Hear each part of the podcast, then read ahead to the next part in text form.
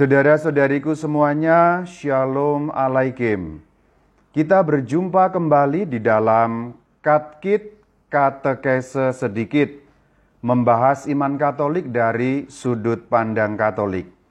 Tema hari ini adalah Yesus beragama Yahudi, sebuah penelusuran sejarah. Jadi nanti saya akan memperlihatkan kepada saudara-saudariku bagaimana tokoh Yesus dari Nazaret, yaitu Yesus yang kita imani sebagai Sang Kristus, sebagai Mesias, itu pada waktu hidupnya di atas muka bumi ini beliau beragama Yahudi. Dan pernyataan ini dapat dipertanggungjawabkan karena kita telusuri menggunakan metode historis biblis. Artinya, secara sejarah, tokoh Yesus Kristus itu tokoh nyata, bukan tokoh imajinasi. Artinya orangnya betul-betul ada.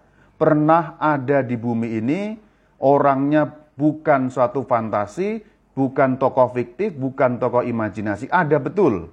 Dan kalau orang ada betul, artinya orang itu pernah lahir, hidup senormal-normalnya manusia pada umumnya. Nah, kita akan menelusuri seperti apa tokoh Yesus Kristus ini. Beberapa di antaranya mungkin pernah Anda dengar, dan beberapa mungkin juga info yang baru. Saya tidak akan mengutip sumber luar, tetapi saya akan mengutip saja sumber-sumber biblis. Biblis artinya teks-teks suci Alkitab. Bisa, bisa disebut juga sumber-sumber Alkitabiah. Maka kata sejarah di situ lingkupnya lebih kecil, lebih sempit, yaitu sejarah menurut kitab-kitab suci. Kita ingat di dalam macam-macam tema yang sudah kita bahas, sejarah kitab suci itu nyambung sebenarnya juga dengan sejarah umum. Meskipun lingkup dalam sejarah kitab suci lebih sempit karena hanya menyangkut suatu bangsa tertentu yaitu bangsa Israel.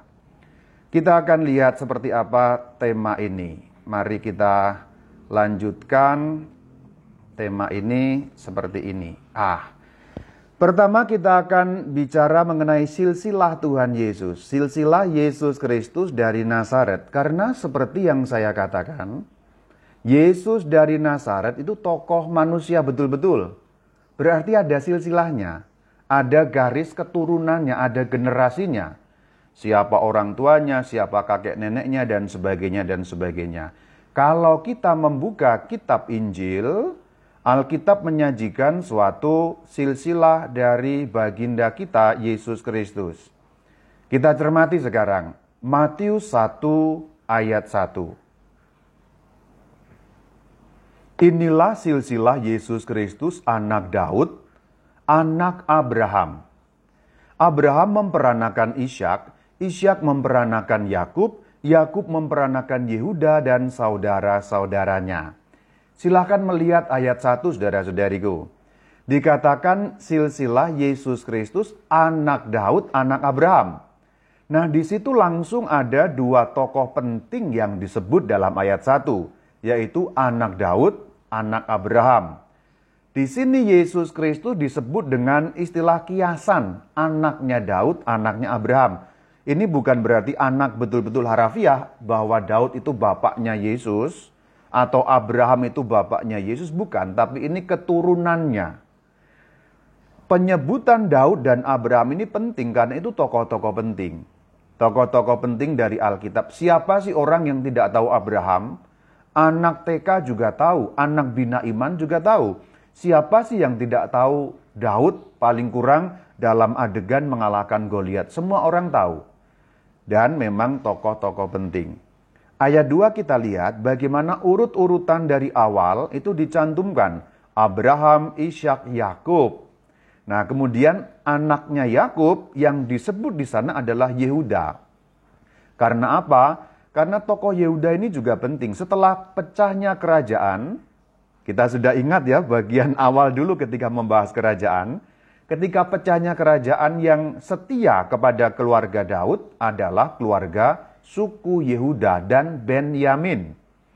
Jadi tokoh Yehuda juga disebut karena pentingnya itu, karena kerajaan Israel Selatan yang disebut juga kerajaan Yehuda karena keturunannya orang-orang Yehuda. Abraham, Ishak, Yakub sudah kita bahas.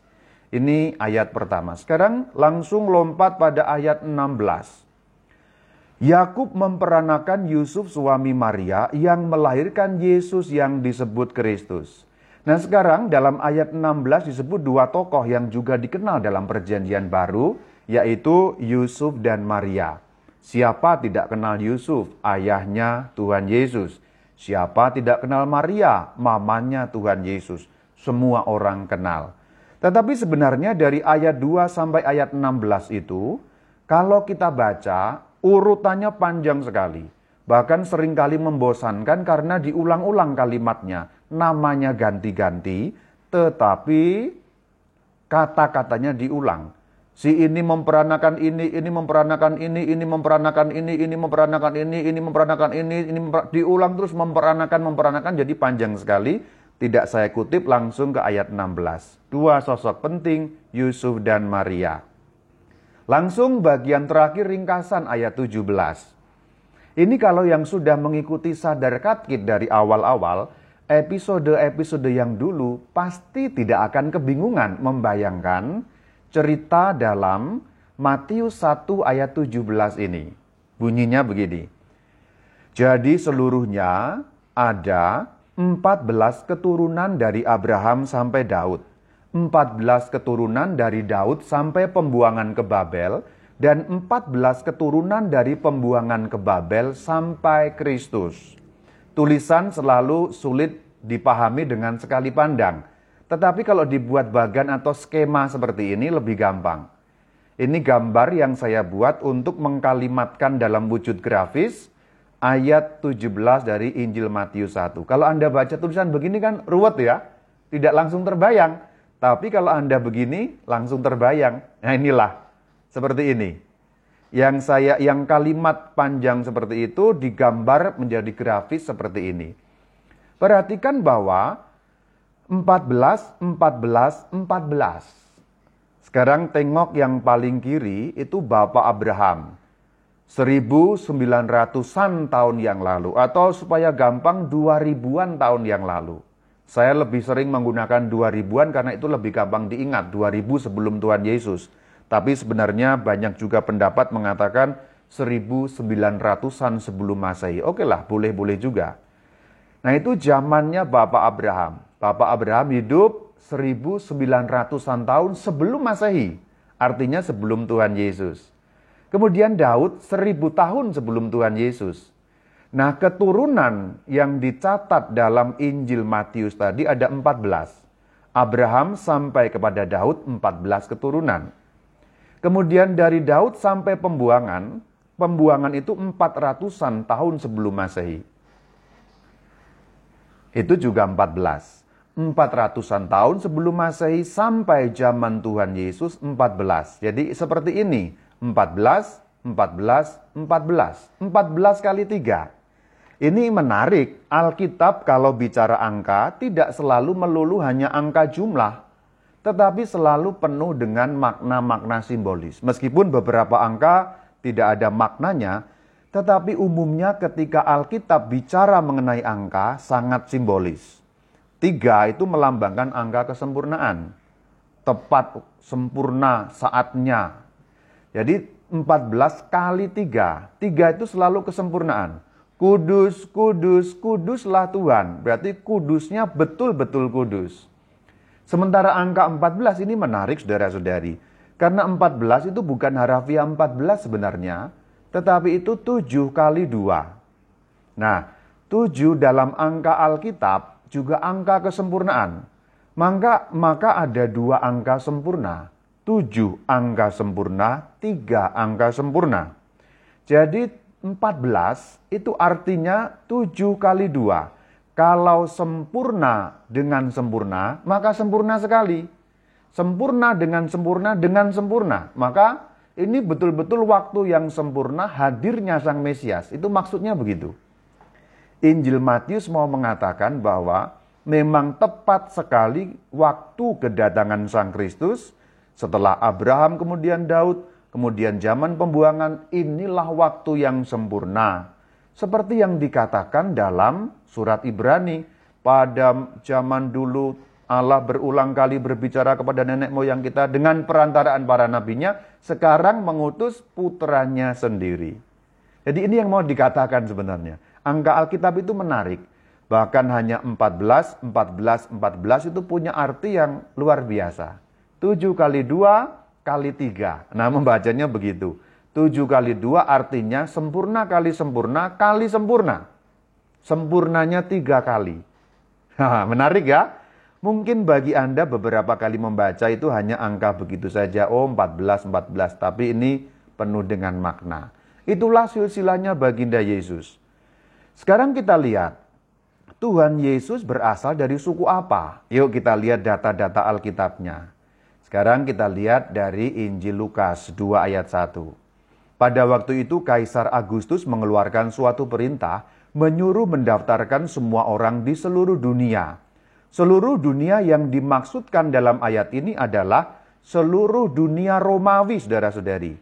Seluruh dunia Romawi itu luas sekali. Pelajaran terakhir ya, pelajaran terakhir ketika kita membahas masa antara zaman Makabe. Kilas balik sedikit, yang kemarin ikut saya ingatkan, yang belum ikut supaya ada gambaran. Dijajah oleh orang Yunani awalnya ya. 168 dipaksa untuk memeluk agama Yunani. Kemudian dapat menjadi bebas 83 sebelum Masehi, dibebaskan oleh Makabe. Tetapi baru bebas sebentar, 20 tahun kemudian, orang-orang Romawi, ya, orang-orang Romawi di bawah pimpinan Jenderal Pompeius menyerbu Yerusalem. Berarti mulai tahun 63, kira-kira 60 tahun sebelum Tuhan Yesus, orang Romawi bercokol di tanah Yerusalem. Berarti Kira-kira 60 tahun sebelum Tuhan Yesus yang berkuasa atas tanah Israel adalah Kaisar Roma. Maka ketika kita membaca Lukas 2 ayat 1, Kaisar Agustus mengeluarkan perintah masuk akal. Karena apa? Karena memang pada zaman Tuhan Yesus sesaat sebelum lahir itu orang Romawi lah yang berkuasa. Kaisar Agustus itu adalah raja atau kaisar negara Romawi, negara besar. Waktu itu, negara Romawi sudah meliputi hampir seluruh Mediterania. Mediterania itu laut tengah, saudara-saudari. Hampir seluruh Eropa dikuasai. Kemudian eh, Afrika bagian utara dikuasai. Kemudian sampai ke daerah Turki, daerah Syria, turun sampai ke Mesir dan termasuk juga Palestina, Israel, Yerusalem itu. Maka ini konteksnya begitu. Kita harus ingat penjajahnya zaman ini adalah orang Roma, orang Romawi. Kaisar Agustus mengeluarkan perintah seluruh dunia yang dimaksud seluruh wilayah Mediterania. Ayat 3, maka pergilah semua orang mendaftarkan diri masing-masing di kotanya sendiri. Harus patuh, karena penjajah yang menyuruh mendaftarkan dalam sensus itu. Ayat 4, Demikian juga Yusuf, ini Yusuf yang sudah disebut tadi di Injil Matius, pergi dari kota Nazaret di Galilea ke mana? Ke Yudea. Nah itu ya. Ke Yudea, mana? Ke Yudea ke kota Daud yang bernama Bethlehem. Karena ia berasal dari keluarga Daud dan keturunan Daud. Demikian juga Yusuf pergi dari kota Nazaret di Galilea ke Yudea ke kota Daud yang bernama Bethlehem karena ia berasal dari keluarga dan keturunan Daud. Jadi tokoh Yusuf ini diperkenalkan di sini. Bagian terakhir dari ayat ini mengatakan Yusuf asalnya dari keluarga Daud, keturunan Daud. Disebut juga kota Bethlehem. Memang Bethlehem itu kotanya Daud karena memang Daud aslinya dulu orang Bethlehem. Dan dalam seluruh Alkitab ketika menyebut Bethlehem, itu hampir pasti dihubungkan asosiasinya dengan Daud. Kenapa Yusuf melaksanakan perintah tadi? Karena memang dijajah oleh Romawi. Demikian. Kita lihat selanjutnya, saudara-saudari. Kan yang disebut adalah Daud. Berarti Tuhan Yesus secara manusiawi, karena anaknya Yusuf, maka berarti juga keturunan Daud. Pertanyaannya, Daud itu sukunya apa? Ayo kita lihat sukunya Daud. Kita kembali ke Injil Matius bab 1 ayat 3. Dimulai dari nama Yehuda.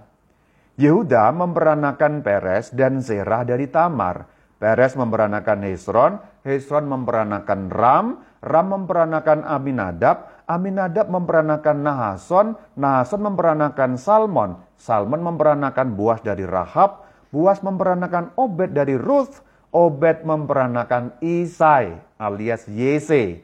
Nah Isai atau Yese ini memperanakan Raja Daud menurut Matius 1 ayat 6. Berarti Daud nyambungnya dari Yehuda. Silakan lihat tadi itu ya dari ayat 3. Matius 1 ayat 3 ujung pangkalnya adalah Yehuda. Yehuda Peres, kemudian Peres Hesron, Hesron Ram, Ram Aminadab, Aminadab Nahason, Nahason Salmon, Salmon Boas, Boas Obed, Obed Yese alias Isai, Isai Daud. Berarti Daud ini sukunya adalah Yehuda. Kita tahu hitungan suku dihitung dari anak-anaknya Israel alias anak-anaknya Yakub. Yehuda sebagai salah satu anaknya Israel, maka disebut juga suku Yehuda.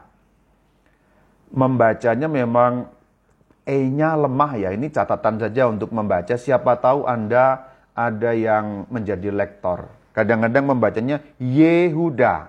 Ya, E-nya tidak terlalu kuat sebenarnya karena tulisan Yunannya e, Ibraninya sebenarnya adalah Yehudah, Yehuda. Jadi e-nya e-nya lemah. Jadi sebenarnya membaca yang aksen yang benar itu Yehuda, Yehuda atau malah Yudah itu malah benar. Itulah kenapa dalam bahasa Yunani disebut Yudea, tanah Yehuda, tanah Yudea. Kembali ke soal ini.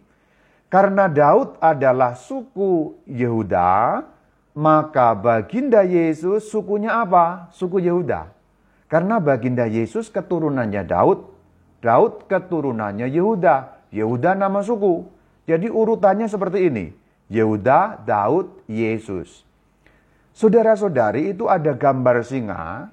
Nanti Anda akan saya jelaskan kenapa gambarnya singa. Nanti akan saya jelaskan kenapa gambarnya singa. Itu ada nasnya dalam Alkitab. Gambar singa itu bukan sesuatu yang saya buat-buat, tetapi sebenarnya sesuatu yang ada ayatnya dalam Alkitab. Clear ya sampai di sini? Yesus Kristus, Yesus dari Nazaret keturunan Daud, sukunya Yehuda. Nyambung berikutnya sekarang.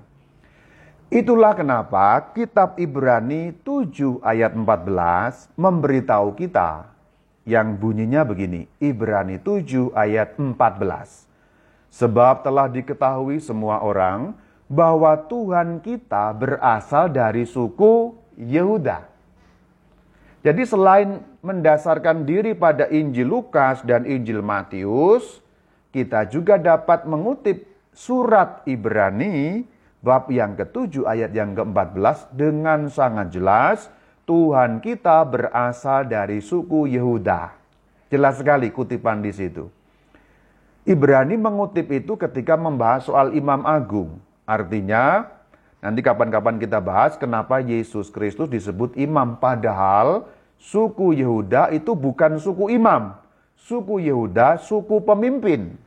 Karena Raja Israel harus berasal dari suku Yehuda, terutama khususnya keturunan Daud.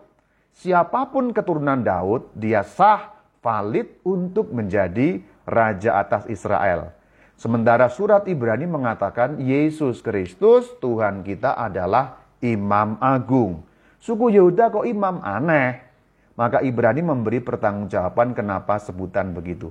Sekarang bukan tema, temanya lain kapan nanti kita akan bahas. Sekaligus ini teaser ya, supaya Anda juga tertarik lagi. Wah, kenapa kok disebut imam Yesus padahal dari suku Yehuda. Juga dalam Injil Matius 2 ayat 6 jelas sekali. Dan engkau Bethlehem tanah Yehuda, daripada mula akan bangkit seorang pemimpin yang akan menggembalakan umatku Israel. Ini nubuat yang digenapi pada sosok Yesus Kristus Tuhan kita. Bethlehem itu berada di tanah Yehuda. Pemimpinnya siapa? Yesus Kristus. Dan ini yang berkaitan dengan singa tadi, saudara-saudari. Dalam kitab Wahyu, Apokalipsis, Wahyu 5 ayat 5, ada nas yang berbunyi, Sesungguhnya singa dari suku Yehuda, yaitu Tunas Daud, telah menang.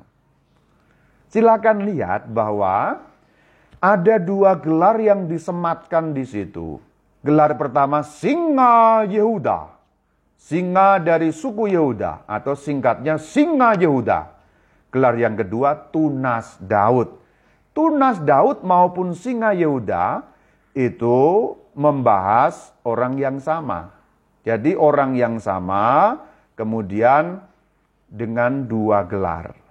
Maka sebenarnya singa Yehuda itu menunjuk pada Yesus Kristus.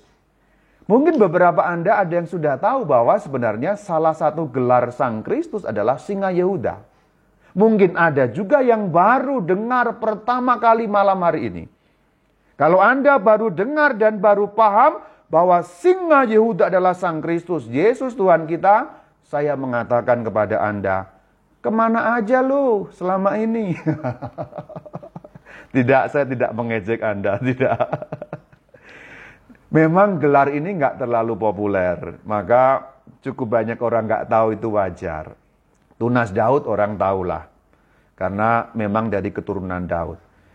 Nah, di bawah gambar singa itu ada gambar anak domba. Itu menunjuk sosok yang sama.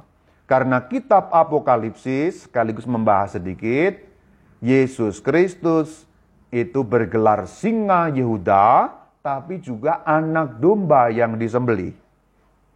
Singa apa anak domba sebenarnya? Ini kan berlawanan.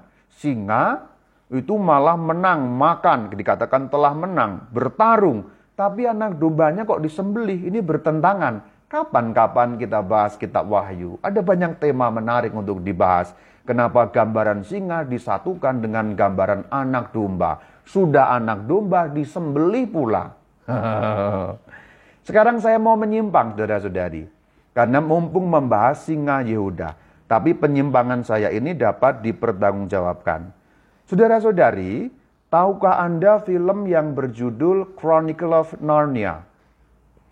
The Chronicle of Narnia. Chronicle Narnia. Tahu ya? Aslan. Ya, saya lihat beberapa orang manggut-manggut karena nonton ya. Saya lihat beberapa ada yang merengut karena nggak tahu itu film apa. Kasihan deh lu nggak tahu. Chronicle of Narnia. itu film bagus sekali. Kalau yang nggak nonton ya sudah abaikan. Kalau yang nonton, nanti silahkan searching siapa penulis dari Chronicle of Narnia. Penulisnya siapa. Dan kenapa kok tokonya singa. Dan kenapa kok singa yang bernama Aslan itu pakai mati. Dan matinya di atas altar batu. Orang yang menulis nanti searching siapa yang menulis ya, boleh dibaca biografinya. Orang yang menulis Chronicle of Narnia itu membaca Alkitab dan dia tahu singa Yehuda itu Sang Kristus. Maka tokoh Aslan itu membuat suatu asosiasi, maka dia harus mati di altar batu itu dan begitu dia setelah mati dia hidup lagi dan kehidupannya menghancurkan musuh. itu Alkitabiah sekali. Mungkin Anda yang sudah nonton baru nge, oh ternyata begitu ceritanya. Ya, ini menyimpang, tidak ada hubungannya. Tapi saya mau mengatakan, film itu lari sekali dan hebat sekali. Dan bersumber dari Alkitab. Maka Alkitab itu bisa berarti apa pun.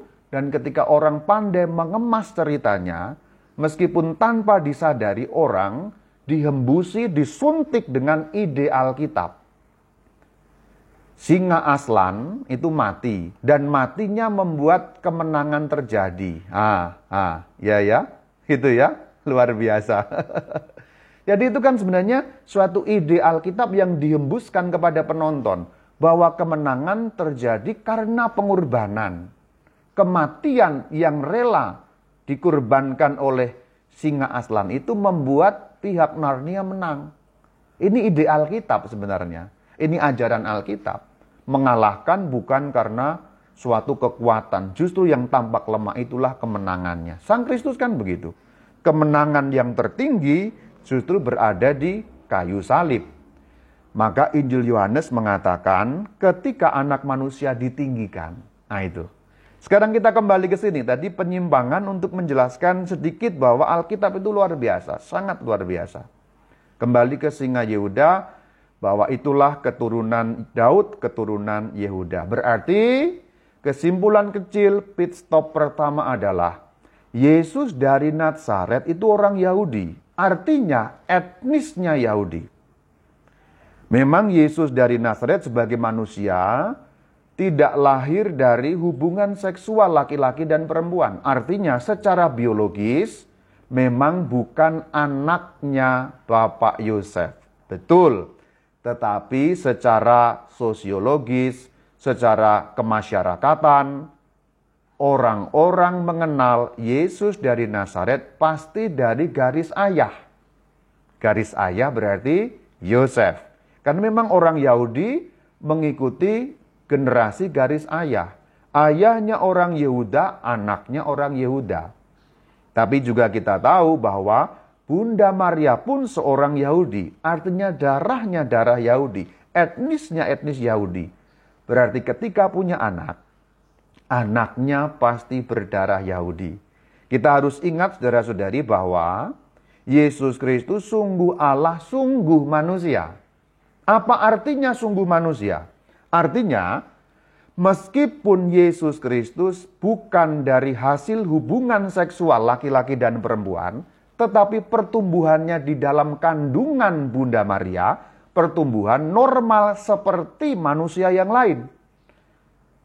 Jadi pada saat dikandung oleh Bunda Maria bukan berarti langsung besar, langsung gede, langsung jadi, langsung lahir tidak. Kandungan Bunda Maria dimulai seperti kandungan orang pada umumnya. Hanya memang terjadinya, memang terjadinya tidak karena pembuahan sel sperma dan sel telur. Jadi ketika Bunda Maria mengatakan terjadilah padaku menurut perkataanmu itu, cek gampangnya itulah terjadi pembuahan.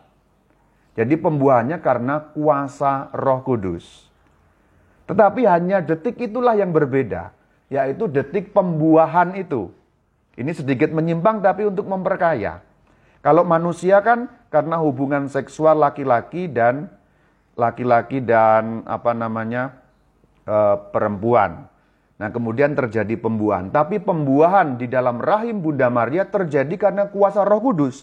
Tetapi pertumbuhannya, tetapi pertumbuhannya kita tahu bahwa pertumbuhan itu normal, ya. Pertumbuhan yang normal, saudara-saudari.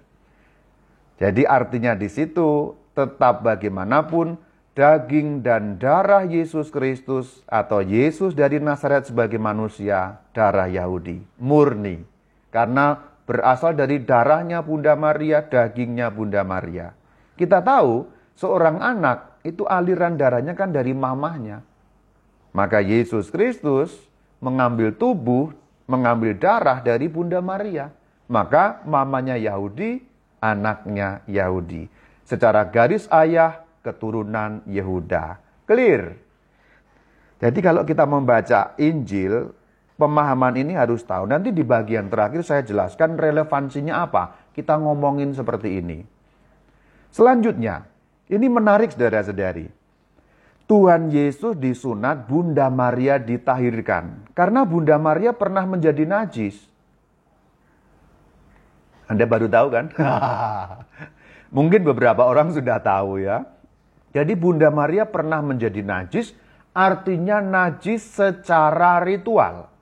Karena orang Yahudi mengenal najis dan tahir, halal dan haram. Maka Bunda Maria perlu ditahirkan. Kenapa dan seperti apa ceritanya? Kita lihat Lukas 2 ayat 21.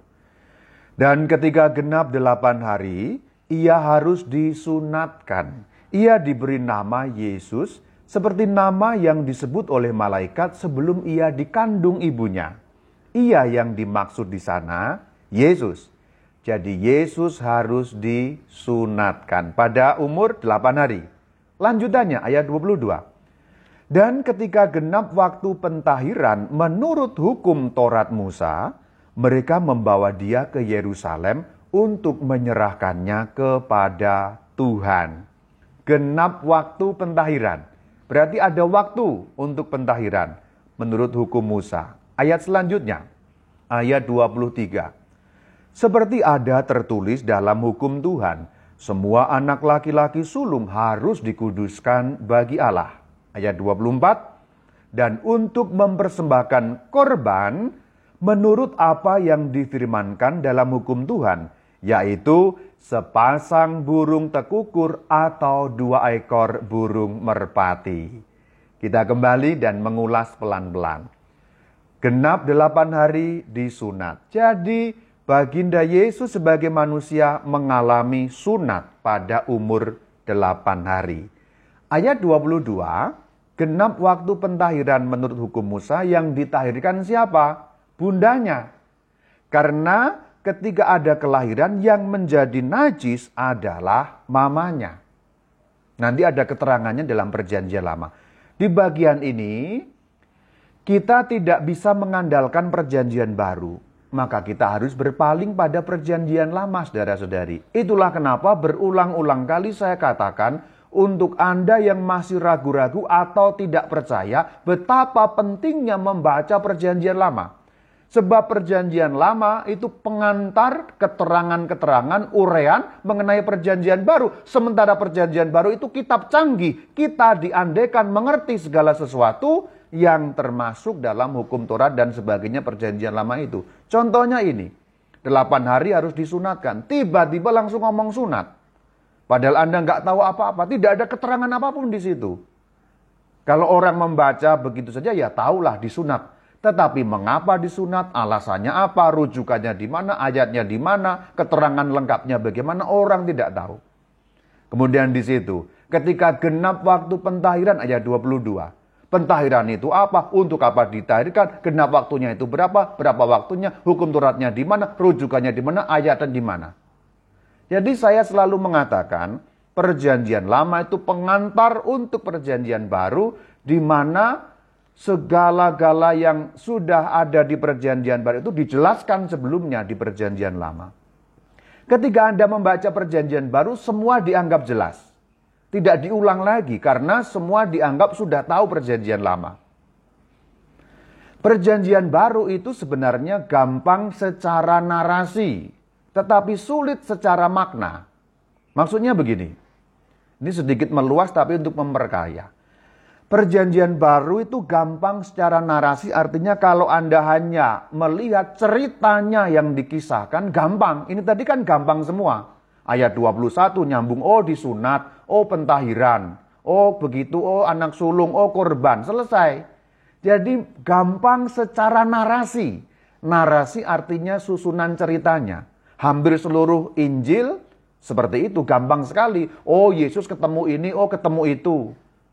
Kalau hanya memandang secara naratif, beres, gampang dipahami.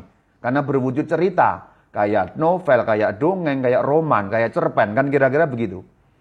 Tetapi kalau soal isi dan makna, nah tidak gampang. Untuk Anda yang bertanya-tanya ketika membaca Alkitab, tidak gampang. Contoh yang sudah tadi saya katakan, disunat. Kenapa kok disunat ya? Luar biasa ya. Apa artinya ini semua? Jadi akan ada banyak pertanyaan yang muncul ketika Anda membaca perjanjian baru. Itu selalu saya katakan, perjanjian lama tidak mungkin tidak dibaca untuk kita paham perjanjian baru. Contoh yang berulang kali saya sebut anak domba Allah. Artinya apa coba? Anda hanya paham kalau baca perjanjian lama. Nah itu loh. Makanya kemarin ini perjanjian lama berseri-seri supaya di sini kita lebih mudah memahaminya. Tadi soal sejarah tadi itu ya 14 14 14. Kalau saya belum membahas Abraham, kalau saya belum membahas Daud, belum membahas pembuangan Babel, Anda cuma akan ha ha ha ha. Tapi begitu saya sudah bahas semuanya itu, terutama Anda yang mengikuti sejak episode-episode awal, semua clear tampak jelas. Begitu. Lanjutkan, saudara-saudari. Referensi untuk itu semua ada di perjanjian lama mengenai dua hal kan tadi itu, sunat dan pentahiran. Kita lihat sekarang. Sunat dan pentahiran atau penahiran. Kalau bahasa Indonesia yang baik dan benar, T itu kan luluh. Tulis menjadi penulisan ya. Tahir menjadi penahiran. Meskipun tulisan dalam Alkitab pentahiran, samalah. Tapi yang benar penahiran sebenarnya. Sunat pertama. Sunat itu rujukannya kejadian 17 ayat 9 dan 10 sampai 11. Kita sudah bahas, tapi saya ulangi membaca. Lagi firman Allah kepada Abraham, dari pihakmu, engkau harus memegang perjanjianku, perjanjian antara aku dan kamu serta keturunanmu, yaitu setiap laki-laki di antara kamu harus disunat. Haruslah dikerat kulit katanmu dan itulah akan menjadi tanda perjanjian. Berarti sunat itu apa sesungguhnya? Tanda perjanjian. Orang ditandai bahwa orang yang disunat diberi tanda, dia masuk dalam kalangan orang perjanjian. Maka segala keturunan Abraham, Abraham kemudian Ishak, Ishak disunat, Yakub dan seluruh anak-anak Yakub, Yehuda dan saudara-saudaranya semua yang laki-laki nyambung nyambung nyambung sampai baginda Yesus disunat. Kenapa? Karena keturunannya Daud, karena Daud keturunannya Yehuda, Yehuda anaknya Israel, Israel anaknya Ishak, Ishak anaknya Abraham, maka seluruh keturunan itu masuk dalam perjanjian tandanya sunat. Dalam bahasa kontemporer sekarang, dalam bahasa gampang modern sekarang, itu tandanya masuk agama Yahudi gitulah. Kalau tandanya masuk agama Kristen yang Katolik kan dibaptis. Saudara, aku membaptis engkau dalam nama Bapa dan Putra dan Roh Kudus. Cur, cur, cur. Sah. Orang diberi tanda. Jadi tanda perjanjian yaitu perjanjian baru dalam agama Kristen yang Katolik, tanda perjanjiannya apa? Pembaptisan. Hampir semua agama ada tanda-tanda seperti itu. Agama sebelah pun ada mengucapkan-mengucapkan itu loh. Nggak usah disebut lah, nanti dikira penistaan. Padahal maksudnya nggak penistaan, hanya mau memperbandingkan bahwa tanda perjanjian kalau dalam bahasa gampang zaman sekarang menjadi orang beragama Yahudi gitulah, diyahudikan. Untuk gampangnya memahami.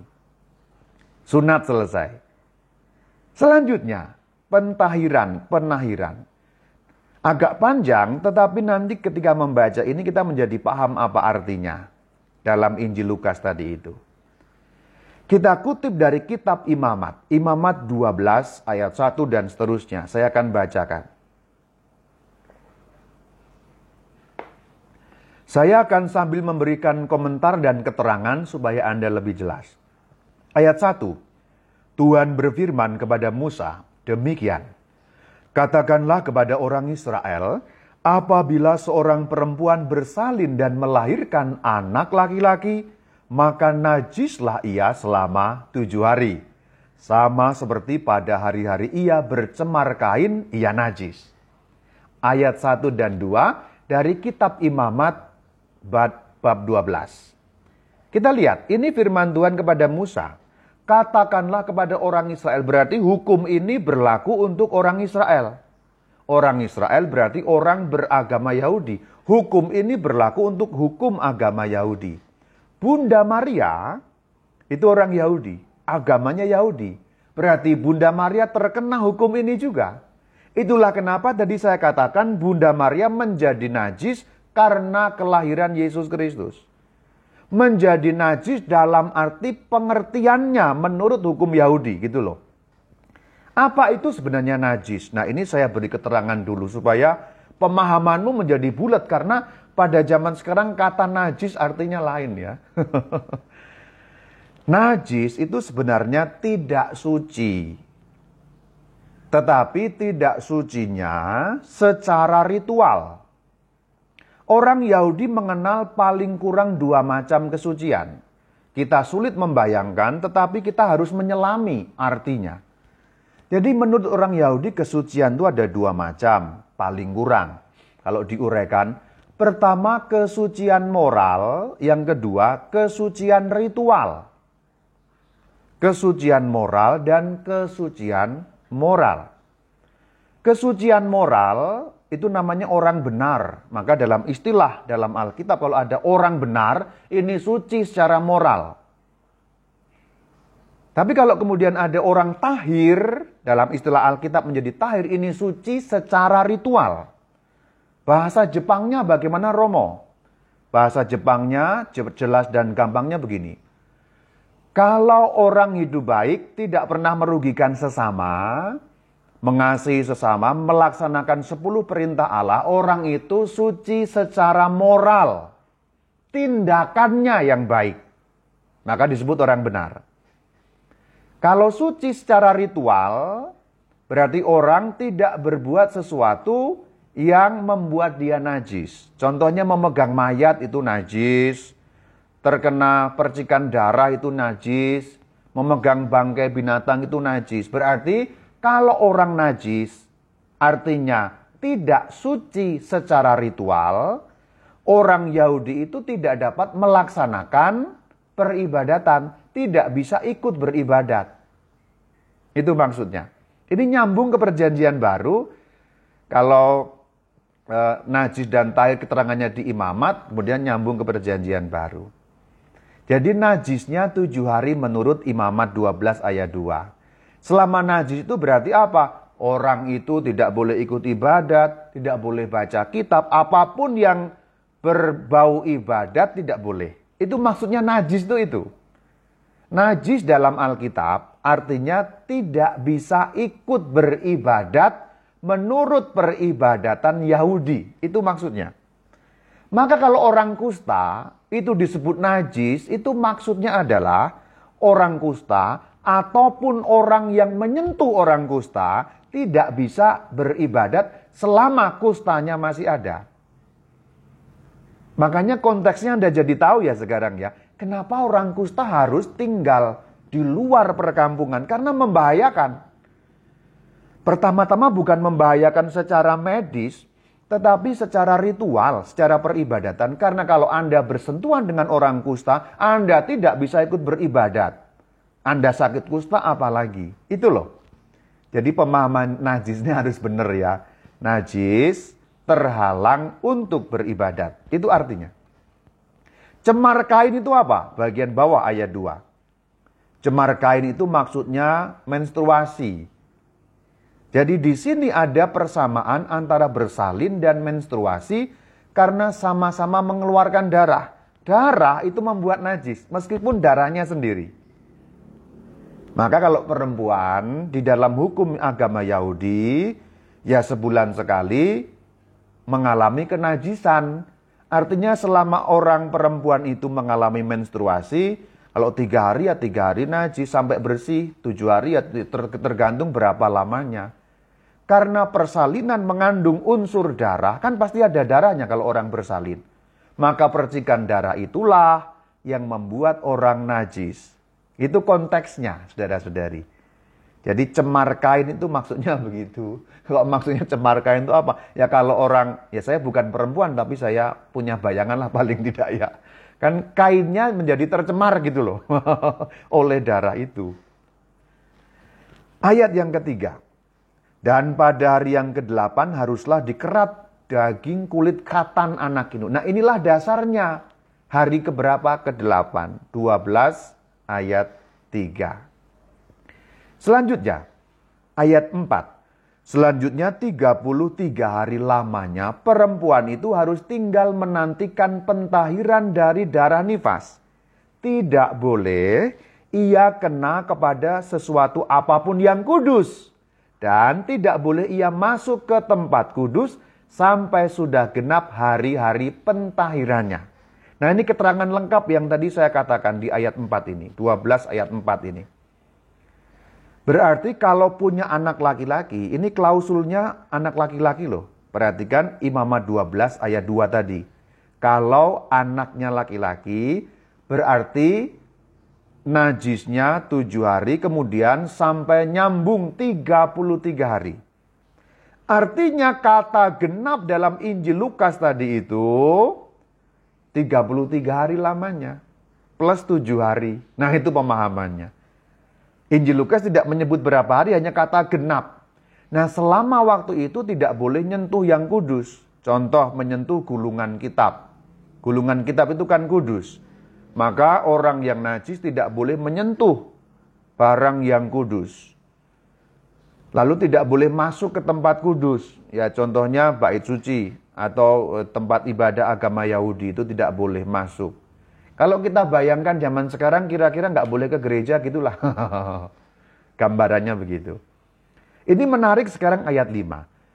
Tetapi jikalau ia melahirkan anak perempuan, maka najisnya, najislah ia selama dua minggu. Kalau anaknya laki-laki hanya najis berapa tadi? Tujuh hari. Kalau anak kalau anaknya perempuan double degree dia. double impact. Kalau anaknya perempuan menurut Imamat 12 ayat 5, najisnya dua minggu artinya tujuh kali tujuh sempurna.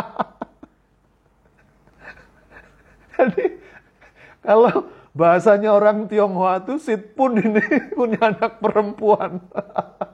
Tidak, saya tidak bermaksud mengejek para wanita, tetapi memang begitulah struktur agama Yahudi karena kita harus membayangkan ini 2000 tahun yang lalu. Ya perempuan seperti itulah posisinya, maka tidak pernah dihitung. Jadi kalau anaknya perempuan najisnya dua minggu. Lalu selanjutnya 66 hari. Artinya kalau anak laki-laki tadi kan hanya 33 hari. Ini du dua kalinya gitu loh. Menarik ya? Menarik. Jadi ada perbedaan. Tetapi untuk kurbannya sama. Ayat 6. Untuk anak laki-laki atau anak perempuan sama berarti kedudukannya. Haruslah dibawanya seekor domba berumur setahun sebagai kurban bakaran Berarti ada kurban bakaran setelah genap tadi itu. Kalau perempuan 66 hari, kalau laki-laki 33 hari. Korban pertama korban bakaran, korban kedua korban penghapus dosa. Dan seekor anak burung merpati atau burung tekukur sebagai korban penghapus dosa. Berarti ada dua macam korban untuk pentahiran. Supaya najisnya hilang tadi itu, orang perempuan yang najis harus membawa dua macam persembahan untuk kurban. Yang pertama domba, umur setahun, statusnya korban bakaran, nanti dibakar.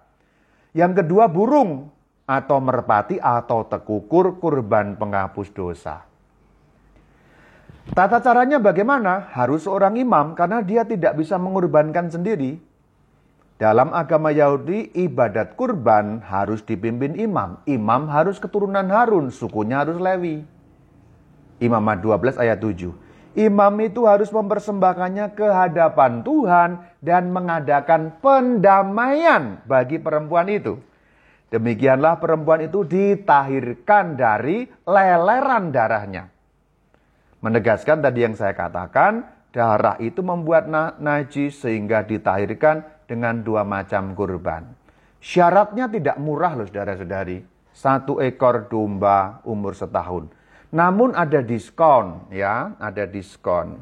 Dalam Alkitab ternyata ada diskon juga. Imamat 12 ayat 8 berbunyi, tetapi jikalau ia tidak mampu untuk menyediakan seekor kambing atau domba, maka haruslah ia mengambil dua ekor burung tekukur atau dua ekor anak burung merpati, maka tahirlah dia.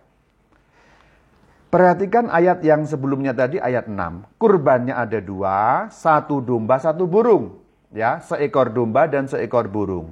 Namun kalau orangnya tidak mampu, ayat 8, burungnya dua, karena yang satu statusnya menggantikan domba karena ketidakmampuannya. Karena domba kan mahal, kalau burung kan lebih murah. Berarti tetap dua. Kenapa dua? Karena memang kurbannya ada dua. Ayat 6, kurban bakaran dan kurban penghapus dosa. Perhatikan bahwa ketidakmampuan membuat diskon. Ada kortingnya dua ekor burung merpati atau uh, dua ekor burung tekukur atau anak burung merpati juga jumlahnya dua ekor. Itulah kenapa kalau kita kembali ke dalam Nas Lukas tadi, menjadi jelas Lukas 2 ayat 24 silakan disimak.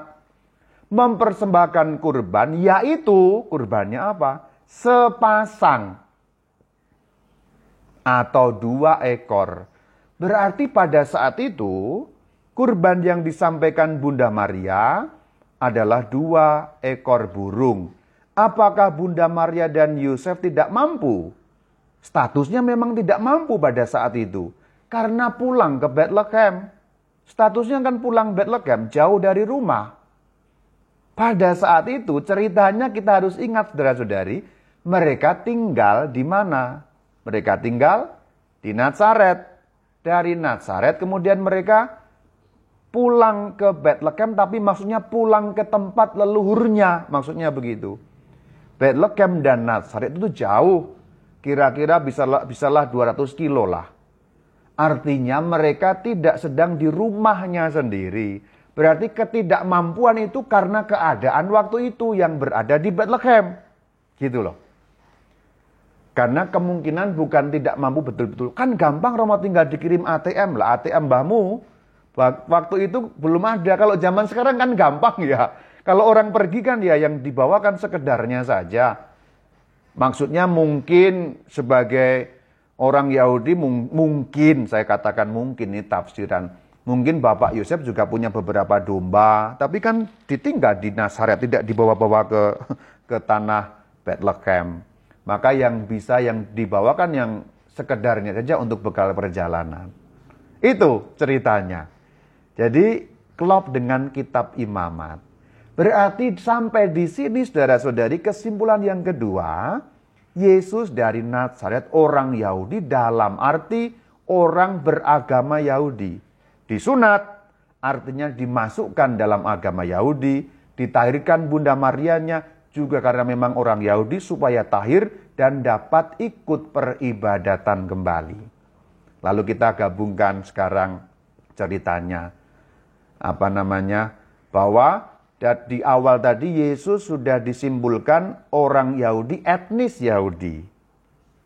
Sekarang orang Yahudi agama Yahudi. Karena kalau kita ngomong Yahudi artinya dua ya saudara-saudari ya. Ngomong kata Yahudi itu artinya dua. Yahudi sebagai etnis orangnya dan Yahudi sebagai agama orangnya. Karena orang yang orang Yahudi dan agama Yahudi itu dua hal yang berbeda meskipun erat hubungannya.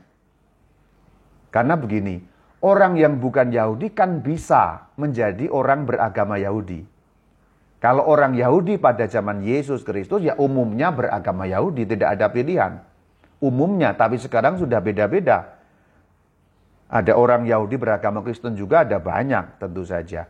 Tapi pada zaman Tuhan Yesus, hampir pasti orang Yahudi suku Yahudi, etnis Yahudi, agamanya Yahudi. Tetapi ada orang non-Yahudi yang bisa beragama Yahudi. Contohnya dalam kisah para rasul. Pejabat istana Ethiopia itu ya. Itu ya orang Ethiopia. Tapi bisa menjadi orang beragama Yahudi kalau dia disunat. Berarti kalau orang bangsa lain mau menganut agama Yahudi, ya disunat. Sunat itu gampangnya membayangkan seperti baptis di agama Kristen Katolik kita. Anak laki-laki tadi itu sudah dijelaskan juga kita bisa mengutip keluaran 13 ayat 1 ayat 2. Berfirmanlah Tuhan kepada Musa, kuduskanlah bagiku semua anak sulung. Jadi memang ada pengudusan anak sulung. Bagian terakhir sebelum menutup obrolan ini adalah Apakah Tuhan Yesus sebagai orang Yahudi yang beragama Yahudi? Eh, kalimatnya harus begitu ya. Yesus dari Nazaret orang Yahudi beragama Yahudi, betulkah melaksanakan agama Yahudi? Ya. Lukas 2 ayat 41. Ini ceritanya semua orang tahulah. Yesus hilang di bait suci itu loh. Lukas 2:41. Tiap-tiap tahun orang tua Yesus pergi ke Yerusalem pada hari raya Paskah. Harap kamu catat, Paskah yang dimaksud dalam Lukas 2:41 ini Paskah Yahudi. Sebab Paskah itu dua macam, Paskah Yahudi, Paskah Kristen. Yang dirayakan beda meskipun ada kesinambungan makna. Ayat selanjutnya 42. Ketika Yesus telah berumur 12 tahun, pergilah mereka ke Yerusalem seperti yang lazim pada hari raya itu. Berarti memang orang tuanya ini lazim ke Yerusalem kalau hari Paskah. Karena ayat 42 mengatakan seperti yang lazim, yang sudah terbiasa. Artinya sebelum Sang Kristus berumur 12 tahun, orang tuanya memang sudah biasa merayakan Paskah di Yerusalem. Karena lazim dikatakan dalam ayat 42. Berarti memang Bapak Yosef dan Ibu Maria ini memang orang-orang yang taat beragama. Sedangkan jaraknya jauh loh saudara-saudari. Mereka tinggal di mana? Yerusalem di mana? Yerusalem itu di tanah Yudea kan, tanah Yehuda, di selatan, jauh. Mereka tinggal di Galilea. Galilea di utara sekali. Galilea ke Yerusalem di tanah Yehuda, itu boleh dikatakan barangkali jaraknya 150 kilo atau 200 kilo lah. Jakarta Cirebon loh itu.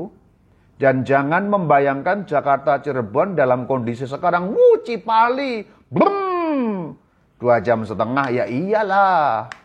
Jangan membayangkan sekarang, bayangkan 2000 tahun yang lalu, tanah berbatu-batu, batunya keras, panas, tidak ada tempat berteduh dan berbahaya, banyak penyamun. Paling-paling mentok naik kedelai kan, paling mentok. Orang paling mentok zaman dulu kan naik ke delay, apa keledai. Orang naik ke kok malah jadi kedelai. Orang naik keledai. Umumnya orang berjalan kaki dan kita dengar dalam ayat-ayat selanjutnya memang mereka berjalan kaki ya karena memang itulah yang bisa.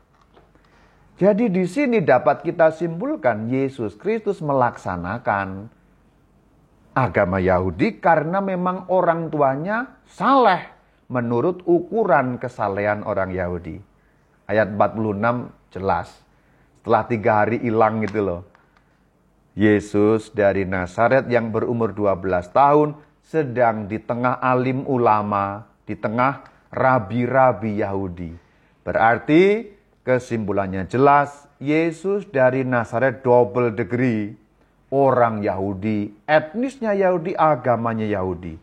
Bagian terakhir, apa pentingnya, apa relevansinya kita membicarakan ini semua? Ngapain sih Romo? Harus tahu yang gitu-gitu itu untuk apa? Ceritanya apa? Nah, ini nilai pentingnya sekarang. Nilai pentingnya begini. Saudara-saudari, kitab Injil, kitab-kitab Injil, terutama keempat Injil itu dan hampir semua perjanjian baru, perlu dibaca pertama-tama dalam konteks keyahudian. Itu nilai pentingnya.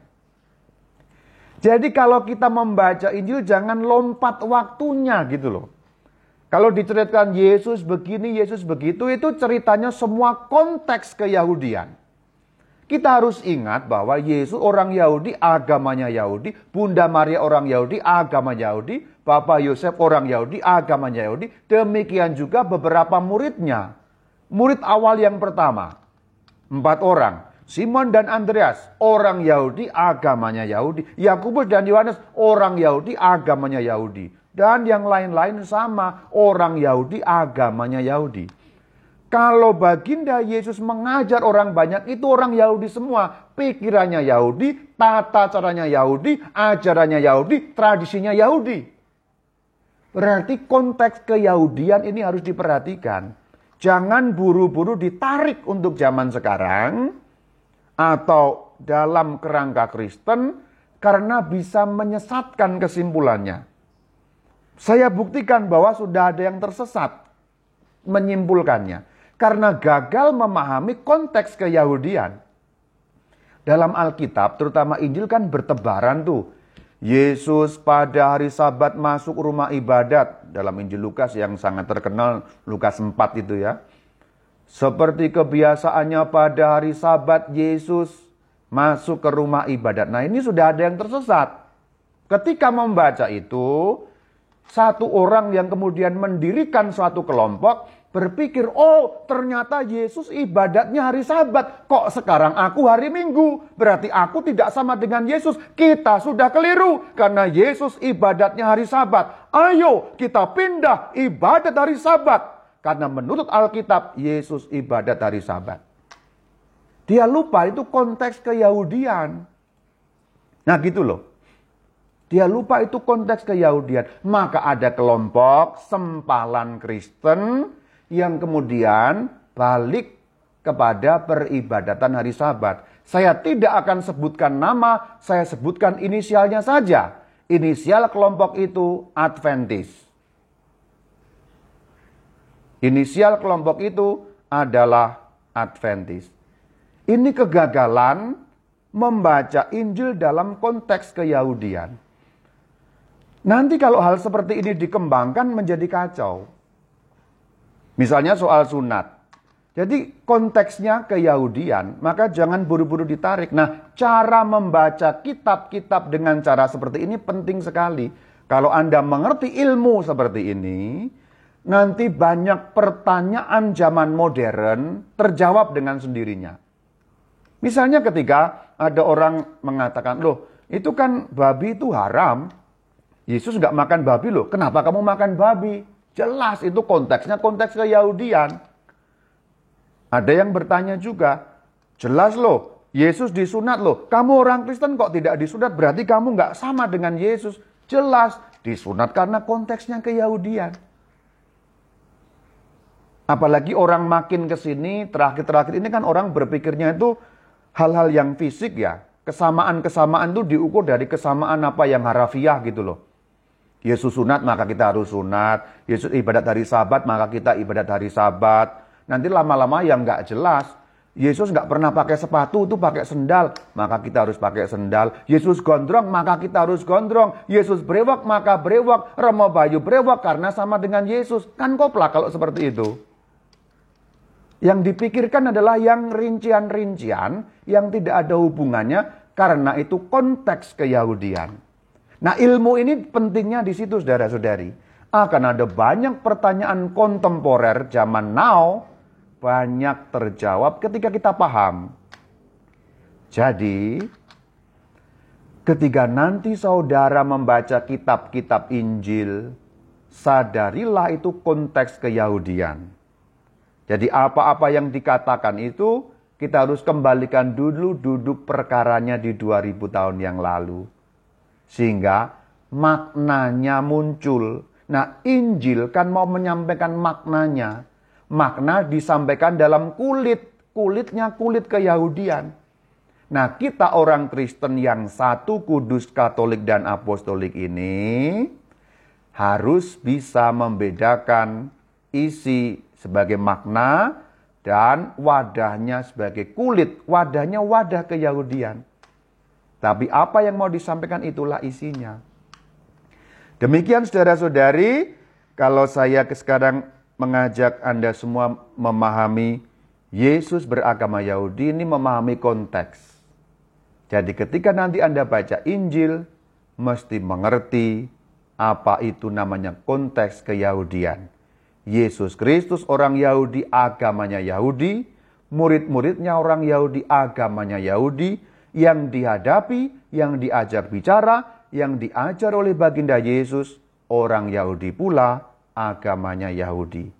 Jangan kemudian diperkosa, Yesus dianggap orang zaman sekarang, atau dianggap yang aneh-aneh, atau justru kita memperkosa diri kita sendiri dengan mengembalikan kita pada hal-hal yang sebenarnya itu konteks keyahudian. Sabat, sunat, sinagoga, apa pun yang sebenarnya adalah konteks keyahudian. Demikian Cerita mengenai Yesus beragama Yahudi, Shalom Aleichem. Aleichem Shalom.